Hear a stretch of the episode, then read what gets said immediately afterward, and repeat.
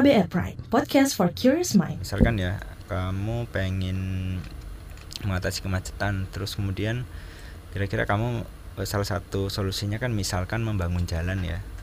Kira-kira membangun jalan di mana? Do you know?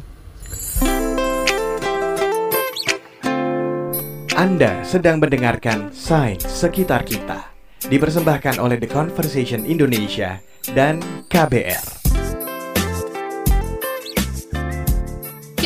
Lagi di Sains Sekitar Kita. Seneng banget rasanya saya Naomi Liandra masih terus nemenin dan masih terus membahas tentang ilmuwan-ilmuwan Indonesia. Gak cuma sendirian nih, karena saya masih ditemenin Lutfi dari The Conversation Indonesia. Halo Lutfi. Halo Naomi, apa kabar? Baik, Lutfi gimana? Sehat-sehat, baik-baik. Uh, jadi kita masuk uh, episode 5 ya dari Sains Sekitar Kita season 2 ini. Udah pusing belum Naomi? Lumayan. Kalau gitu kita bikin tambah pusing lagi hari ini dengan kita bahas kemacetan di Jakarta ya. Waduh, ini gimana nih kemacetan di Jakarta? Hmm. Uh, hubungannya apa sama pulse lab tadi yang aku bilang? Bentar, bentar, kita mulai dari awal ya. Jadi kamu tahu kan kalau misalnya Jakarta itu adalah salah satu kota dengan lalu lintas terpadat di dunia. Kerugian ekonominya itu uh, bisa sampai 70 triliun per tahun karena ada loss productivity ya. Ini salah satu alasan ibu kota jadinya juga mau dipindahkan ke Kalimantan juga kan. Di Jakarta Pus kebetulan pernah bikin sebuah perbandingan soal kemacetan di Jakarta ya. Jadi uh, waktu ekstra di jalanan akibat kemacetan di Jakarta itu setara dengan memutar lagu Imagine-nya John Lennon sebanyak 3.300 kali alias panjang 174 jam.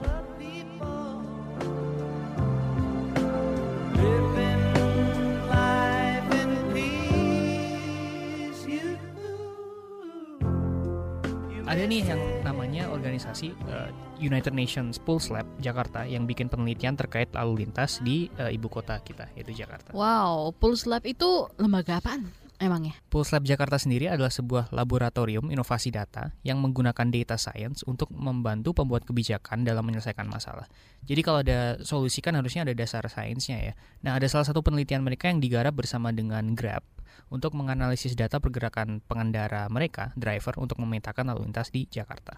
Data pergerakan driver ojek online dan lalu lintas itu kompleks banget pasti ya datanya. Tapi kalau namanya Pulse Lab Jakarta berarti ada Pulse Lab lainnya nggak sih? Benar banget Naomi.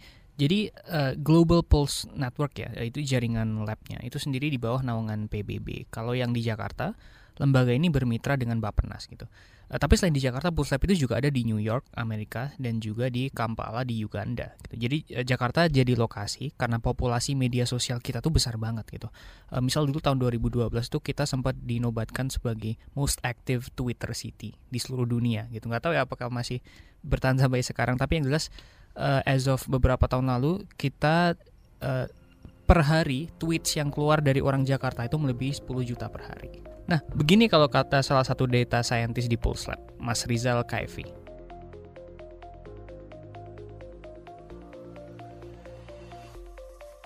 Kira-kira ada hal menarik apa sih di Indonesia yang eh, nggak ada di kota-kota lain? Salah satu hal pentingnya itu adalah uh, kita merupakan uh, apa sih populasi uh, apa sih sosial medianya itu terbesar di hmm. bagian Asia Pasifik, betul kan? Ya, terutama Jakarta dan, ya mas, uh, pengguna Twitter betul, yang salah satu paling banyak dan lain sebagainya itu dan itu ya modal yang sangat penting sih sebenarnya karena kan sosial media itu merupakan salah satu non traditional data kan hmm. yang uh, apa sih banyak potensinya tapi masih sedikit yang uh, bisa untuk mengolahnya gitu netizen plus 62 gitu loh ya. Eh tapi tadi kan katanya Pulstab itu pakai data science kan untuk ngebantu apa pembuat kebijakan. Terus datanya bakal di gimanain? Hmm, datanya akan diolah dengan cara yang cukup inovatif untuk memecahkan masalah kemanusiaan yang ada di seluruh dunia.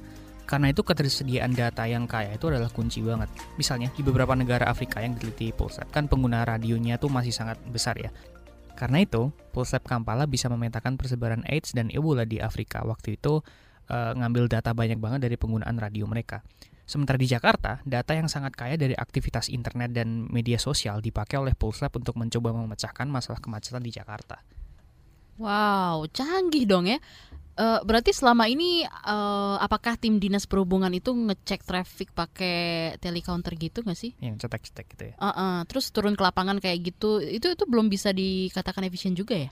Hmm, ya bisa dibilang kurang efisien karena secara waktu maupun sumber daya kan ngabisin uh, banyak ya. Nah di Pulse Lab mereka ingin mencoba melakukan pendekatan lain yang lebih inovatif itu. Salah satunya adalah bermitra dengan salah satu perusahaan ride hailing yaitu Grab. Data yang dipakai adalah pergerakan para driver ojek online. It's not easy untuk uh, mereka untuk dapat uh, apa sih? Untuk uh, mendapatkan data yang terkait dengan kecepatan. Karena kan seperti ini kalau yang sekarang e, prosesnya mereka akan melakukan suatu, apa e, suatu kebijakan, mereka akan membuat suatu model ya, model misalkan transportasi. Tapi model hmm. transportasi itu e, apa ya? E, untuk saat ini data inputnya itu terbatas seperti itu. Terus kemudian cuma dengan, tadi yang tadi terbatas survei lapangan tadi ya. Seperti terus kemudian kayak misalkan tadi yang saya bilang kayak misalkan e, pola kecepatan di setiap hmm. hari gitu kan misalkan per 15 menit di jalan ini itu seperti apa sih pola kemacetannya? Terus kemudian pada saat weekday terus uh, Sabtu Minggu terus pada saat uh, ada event besar itu seperti apa sih pengaruh perubahannya? Okay.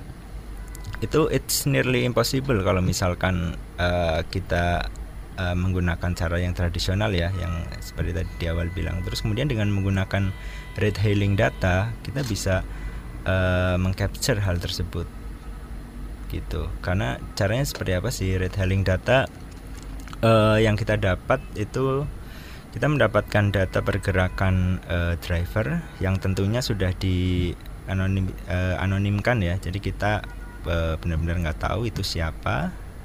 Terus kemudian uh, uh, kita mendapatkan informasi tentang kecepatan. Terus kemudian anda proyeksikan ke uh, apa sih suatu dari lokasi latitude longitude-nya ya. Terus kemudian anda petakan seluruh pergerakannya jadi suatu titik di map. Itu uh, akan keluar suatu map yang menunjukkan peta jaringan jalan. Hmm.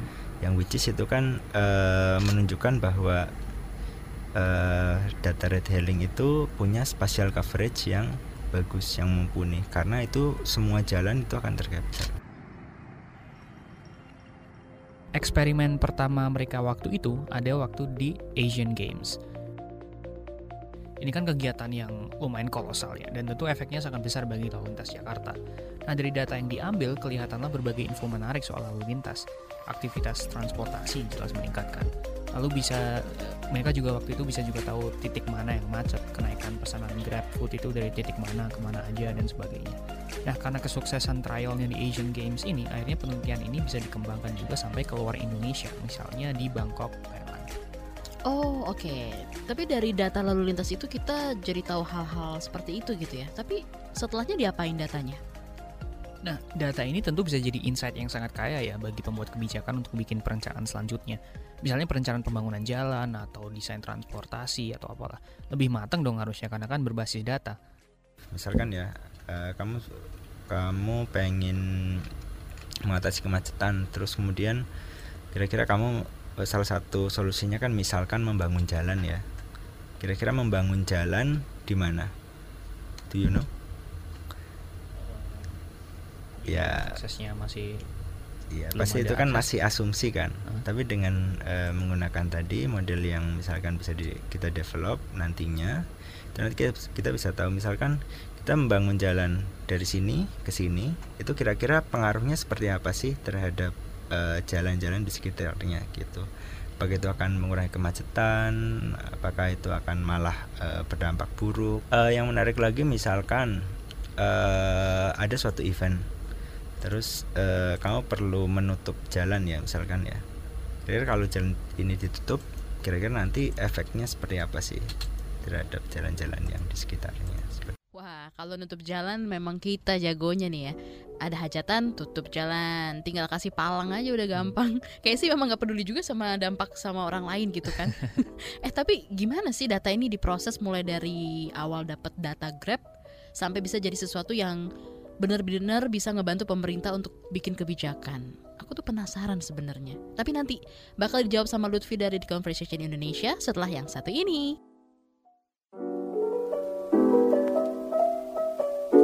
Anda sedang mendengarkan season kedua dari Sains Sekitar Kita Jangan lupa untuk dengarkan season pertama dari Sains Sekitar Kita di KBR Prime dan juga platform podcast lainnya.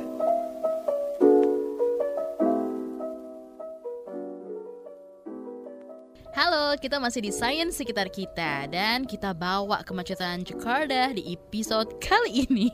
Kamu masih bersama saya Naomi Liandra dan juga Lutfi dari The Conversation Indonesia. Masih juga ngebahas soal gimana data science bisa membantu mengurai kemacetan Jakarta bersama Rizal Kaifi dari Pulse Lab Jakarta. Ya, Naomi, uh, pasti penasaran kan kamu sama pendengar kita. Apa sih nyebutnya pendengar kita tuh? Sains sekitar kita mania? Science, Science lovers. Iya, ya, dipikir ntar lah. Oke, kita kembali ke Pulse Lab ya dan data yang diperoleh dari pergerakan para pengemudi ojek online Grab ini. Ini kan katanya bakal dipakai para pengambil kebijakan kan. Prosesnya gimana sih? Oke, em, Grab itu kan jadi mitranya Pulse Lab di wilayah eh, Southeast Asia ya. Nah, Nah, Pulse Lab dan Grab itu eh, serta Bapenas juga eh, berpikir kayaknya bisa nih diolah untuk dapat data insight soal kemacetan. Dari sinilah kemudian dilakukan analisis data science. Jadi eh, eh, untuk secara teknisnya ya, kalau gambaran data inputnya kita eh, dapat tiga bulan data Hmm. itu Desember 2018, Maret 2019 dan eh, April 2019. Jadi itu ngacur seluruh eh, informasi pergerakan eh, driver itu sekitar 4 terabyte datanya. Wow. Seperti itu. Bisa Anda bayangkan kan kalau misalkan di sini itu 4 terabyte seperti apa dan Oke, itu berapa hard disk itu mas ngopinya? Wah. Kalau sekarang udah ini ya, udah nggak pakai hard disk kebetulan kemarin itu. Oke. Kita pakai eh, transmisi eh, apa sih? elektronik yang bisa kita eh, manfaatin bersama. Di situ ada banyak banget data, tapi pada intinya eh, yang mereka dapatkan adalah kecepatan pengemudinya di jam tertentu di lokasi tertentu. Sederhana kan kedengarannya, tapi nggak juga karena dari info itu terus bisa dibedah lagi untuk bisa tahu kondisi kemacetan jalanan di Jakarta. mengindikasikan eh, kecepatan yang bisa kita dari situ bisa kita infer kondisi lalu lintas karena kan semakin eh, jalan kecepatannya itu rata-rata kecepatannya semakin besar otomatis kan kondisi lalu lintas bisa kita eh, asumsikan itu kan eh, lebih baik kan dibandingkan dengan yang rata-rata eh, kecepatannya itu eh, yang lebih rendah Oh, dari pengolahan data itu jadi udah diterapkan dong ya satu kebijakan. Benar nggak sih? Oh no no no no, jalannya masih panjang banget. Data yang Hmm. diperoleh dari Grab itu kan besar banget ya, tapi juga masih cukup eh, mentah gitu. Belum diolah, eh, belum dipilah, disortir, dikelompokkan dan aneka proses pengolahan data lainnya. Ini ini nggak cuma pakai fitur sort di Excel gitu ya, tapi pakai software pengolahan data yang yang cukup eh, canggih, yang lebih canggih. Seperti kalau teman-teman yang familiar misalnya kayak Hado, R atau bahasa pemrograman Python gitu. Nah, kalau datanya udah rapi pun ini masih berupa eh, time series data gitu ya. Nah, jadi kayak eh, kalau XY gitu eh, kecepatan driver seiring waktu. Eh, dan masih harus diolah lagi dalam bentuk yang lebih visual gitu. Nah, ini dia yang akan jadi kerjaan berikutnya dari data scientist seperti Mas Rizal.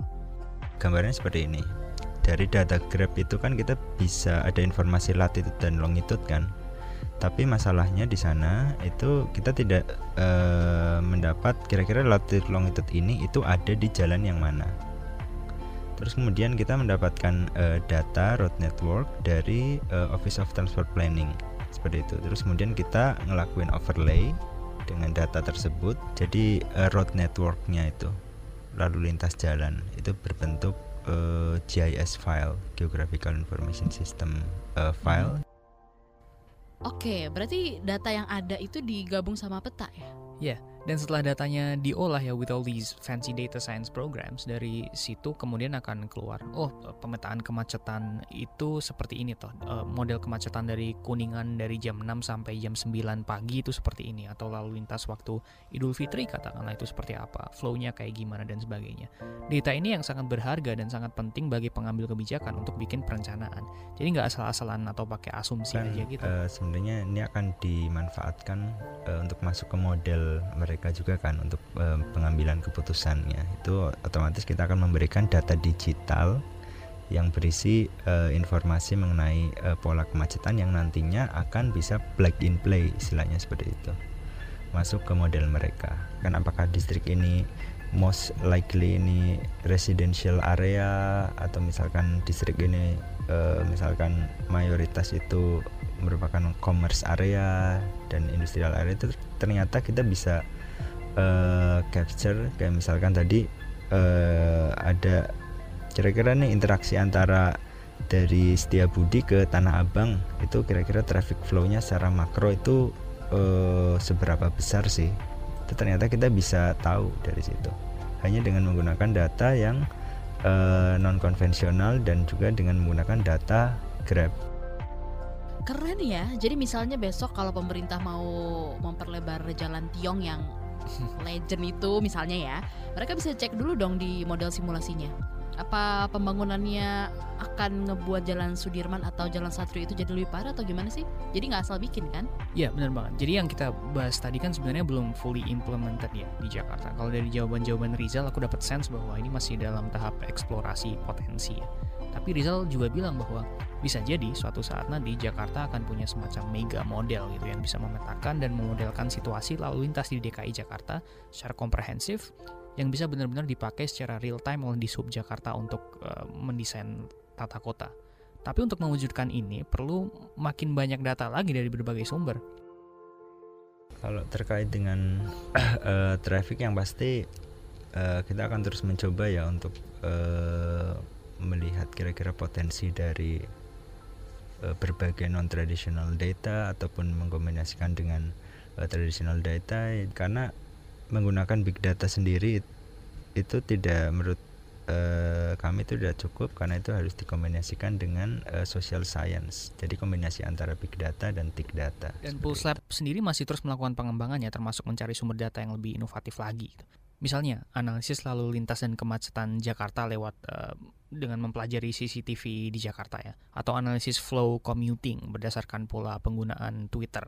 Lumayan keren kan? Dari data sosial media kita bisa me-inverse uh, commutingnya, commuting dari statistik yang ada di warga yang ada di Jabodetabek seperti itu. Kayak misalkan di daerah uh, Tangerang ke sini ke misalkan Jakarta Pusat tuh berapa gitu dan sebagainya. Anda ya kira-kira kalau misalkan waktu jam ya 9 malam atau sampai misalkan jam 6 pagi itu kira-kira kalau posting itu lokasinya di mana? Mungkin Ya rumah kan. Iya. Dan kalau misalkan uh, Anda ngelakuin hal tersebut misalkan uh, selama satu bulan dan hal itu ya uh, rutin misalkan beberapa hari sekali dan kita capture ternyata uh, Anda itu misalkan di waktu itu itu banyak untuk memposting uh, Twitter di lokasi tersebut. Maka most likely kita bisa uh, apa bisa kita asumsikan bahwa anda uh, rumahnya di situ kan. Itu secara mudahnya. Terus kalau misalkan kerja misalkan yang tadi itu uh, misalkan uh, waktu-waktu jam kerja kira-kira misalkan ada yang posting itu kan most likely kan dia juga akan uh, apa bekerja di daerah itu Uh, tapi kan nggak semua orang mau mengaktifkan lokasi di medsos mereka kan. Aku sendiri juga kadang ragu gitu tentang masalah privacy. Apakah ini ngehambat data gathering untuk pembuatan kebijakan? masalah privacy kan akhirnya ini juga cukup naik ya setelah kemarin kasus Cambridge Analytica waktu apa uh, US elections itu orang jadi makin aware sama hak uh, datanya gitu. Jadi jadi emang awareness terhadap data privacy itu uh, jadi sangat tinggi. Tapi uh, penelitian ini menunjukkan bagaimana kalau misalnya di manage dengan baik dengan dengan respectful data itu juga bisa sangat membantu banget untuk menghasilkan insight yang banyak sampai bahkan dalam tahap membantu pembuatan kebijakan juga kan. Hmm. Dan ini ada dilemanya juga sih, semakin banyak orang yang berpartisipasi dalam pengumpulan big data ini, maka data yang dikumpulkan juga makin kaya, makin informatif dan makin berkualitas. yang ingin saya sampaikan di sini em, ini sih tentang importance of eh, data sama digitalization sebenarnya kalau misalkan eh, ya ini mungkin gambaran saya ya kalau misalkan eh, beberapa sektor penting yang ada di Indonesia ini ya saya tahu itu sudah mulai dikembangkan ya kayak misalkan digitalisasi semuanya itu sudah misalkan uh, ter, uh, menjadi data yang digital kemudian disimpan di tempat yang uh, apa sih uh, rapi dan tempat yang uh, apa sih sesuai dengan uh, standar misalkan basis data misalkan ya. Itu it will be very interesting karena uh, kembali lagi kan kalau misalkan semua hal ini tidak akan terwujud kalau misalkan kualitas data yang kita punya itu masih uh, jelek misalkan. Ada suatu uh, apa sih idioms ya. Uh, garbage in garbage out.